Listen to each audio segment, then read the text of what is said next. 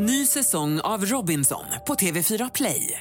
Hetta, storm, hunger. Det har hela tiden varit en kamp. Nu är det blod och tårar. Fan händer just nu. Det. är Detta är inte okej. Robinson 2024, nu fucking kör vi! Streama söndag på TV4 Play. Du lyssnar på en podcast från Expressen. Fler poddar hittar du på expressen.se podcast och på iTunes. Så ska Stockholm in på lyxshoppingkartan. Det här är Expressen Dokument om att kvarteren i Biblioteksstan lockar exklusiva butiker av Mikaela Möller som jag, Johan Bengtsson, läser upp. Paris har sin gyllene shoptriangel, Le Triangle d'Or. Milano har sitt kvadratiska lyxmodedistrikt, Quadrilatero. När Stockholm ska lanseras som internationell modestad sneglar man på Europas modemetropoler. I nya modekvarteret Biblioteksstan lockas nya lyxbutiker från internationella varumärken att öppna flaggskeppsbutiker med Sveriges högsta hyror.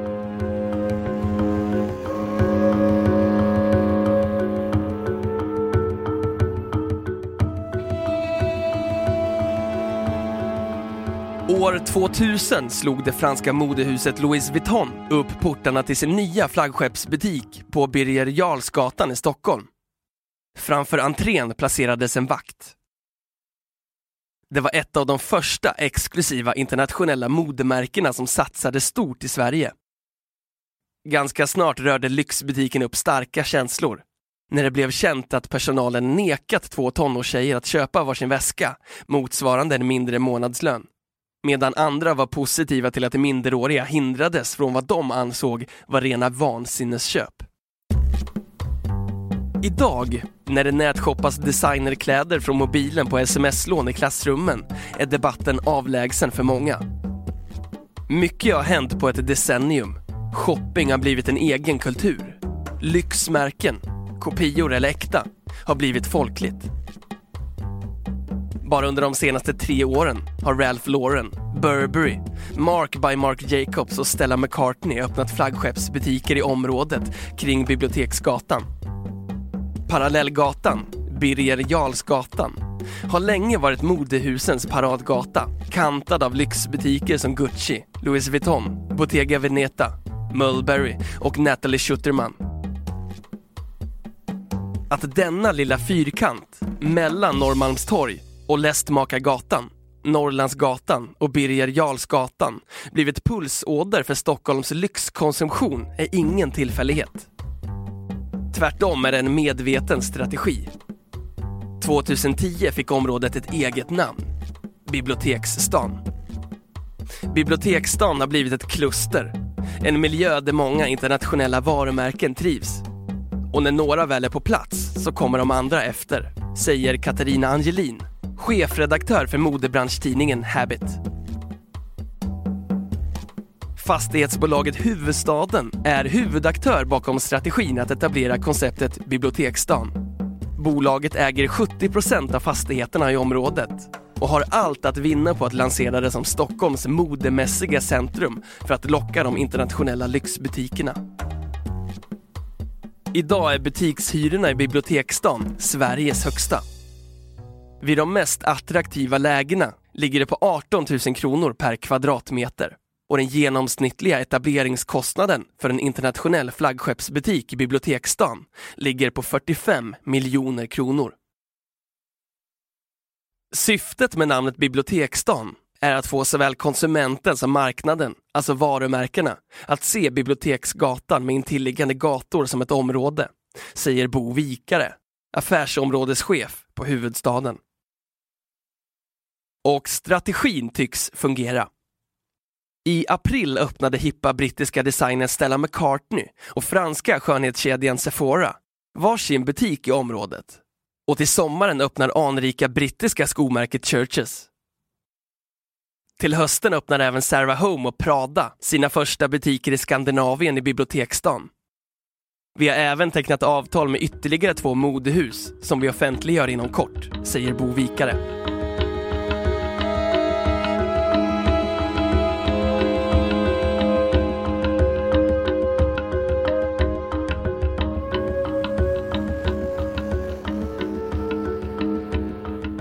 Natalie Schuterman öppnade sin första modebutik i Stockholm för 20 år sedan. Hon var en av pionjärerna som tog in lyxmode från trendledande tillverkare till Sverige. Och sedan 2002 har hon drivit butiken på Birger Jarlsgatan som bär hennes namn. Hon är skeptisk till hur de nya butikerna ska klara sig rent ekonomiskt. Från en entreprenörs synpunkt undrar jag hur det ska gå runt. Jag tror inte att det finns tillräckligt stort kundunderlag för den högsta nivån. I Sverige har vi inte de ekonomiska förutsättningarna eller lönerna som finns i London, Paris och New York, säger hon. Hon tror att många av de internationella butikerna öppnar butiken mer som ett slags showroom.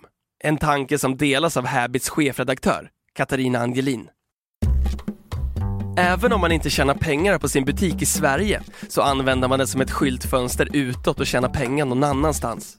När e-handeln utmanar blir det ännu viktigare att bygga ihop de två koncepten och göra butikerna mer konceptuella, som en upplevelse. Sverige har mycket turister. Kineser, japaner, amerikaner och ryssar. Och då vill de internationella varumärkena finnas på plats, säger Katarina Angelin. Den ökade turismen är en av faktorerna som lockar internationella modehus att öppna flaggskeppsbutiker i Stockholm. Enligt Lena Larsson på HUI Research, som för några år sedan gjorde en studie om lyxkonsumtion. Turismen är en av dess största näringar. 2011 omsatte Sverige nära 100 miljarder kronor och enligt Svensk Handel spenderar turisterna 30 procent av reskassan i detaljhandeln. Turismen ökar i Sverige i takt med att människor i omvärlden får det bättre och bättre. Välfärden ökar och fler har råd att resa. Och de som reser ända till Sverige är de som har mycket pengar. Och då är det i första hand dyrare varor man efterfrågar, säger Lena Larsson. Natalie Schuttermans erfarenhet är dock en annan. Jag fick lite mer turister när jag flyttade min butik till Birger Jarlsgatan. Men det är inte lyxturister. De åker ju till Paris, London eller New York om de ska handla. Stockholm är ingen internationellt rankad shoppingstad, säger hon. En annan anledning till varför internationella varumärken valt att etablera sig i Sverige är enligt Lena Larsson paradoxalt nog lågkonjunkturen. När företagen påverkas på sina ordinarie marknader så måste de även titta på de mindre marknaderna, som Sverige, för att bidra till sin tillväxt. Samtidigt blir de svenska konsumenterna också allt mer intresserade av internationella varumärken, säger hon. Lyxsegmentet påverkas inte lika mycket av konjunkturen och har gått stadigt uppåt de senaste åren.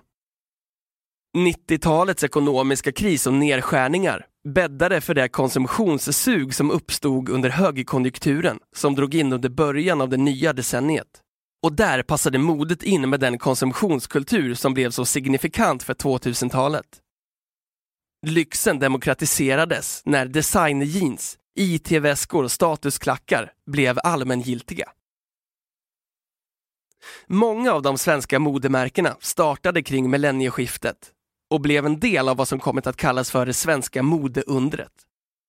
Katarina Angelin tror att det ökade internationella intresset för svenskt mode lockar till sig utländska aktörer.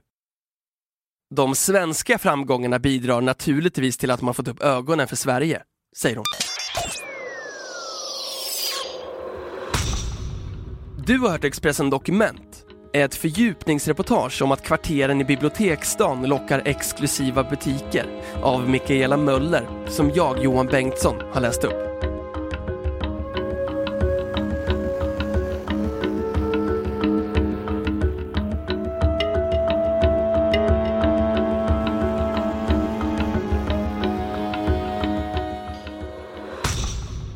Du har lyssnat på en podcast från Expressen. Ansvarig utgivare är Thomas Mattsson. Fler poddar finns på Expressen.se och på iTunes. Ny säsong av Robinson på TV4 Play. Hetta, storm, hunger. Det har hela tiden varit en kamp. Nu är det blod och tårar. Fan händer just nu. Det. är Detta är inte okej. Robinson 2024, nu fucking kör vi! Streama söndag på TV4 Play.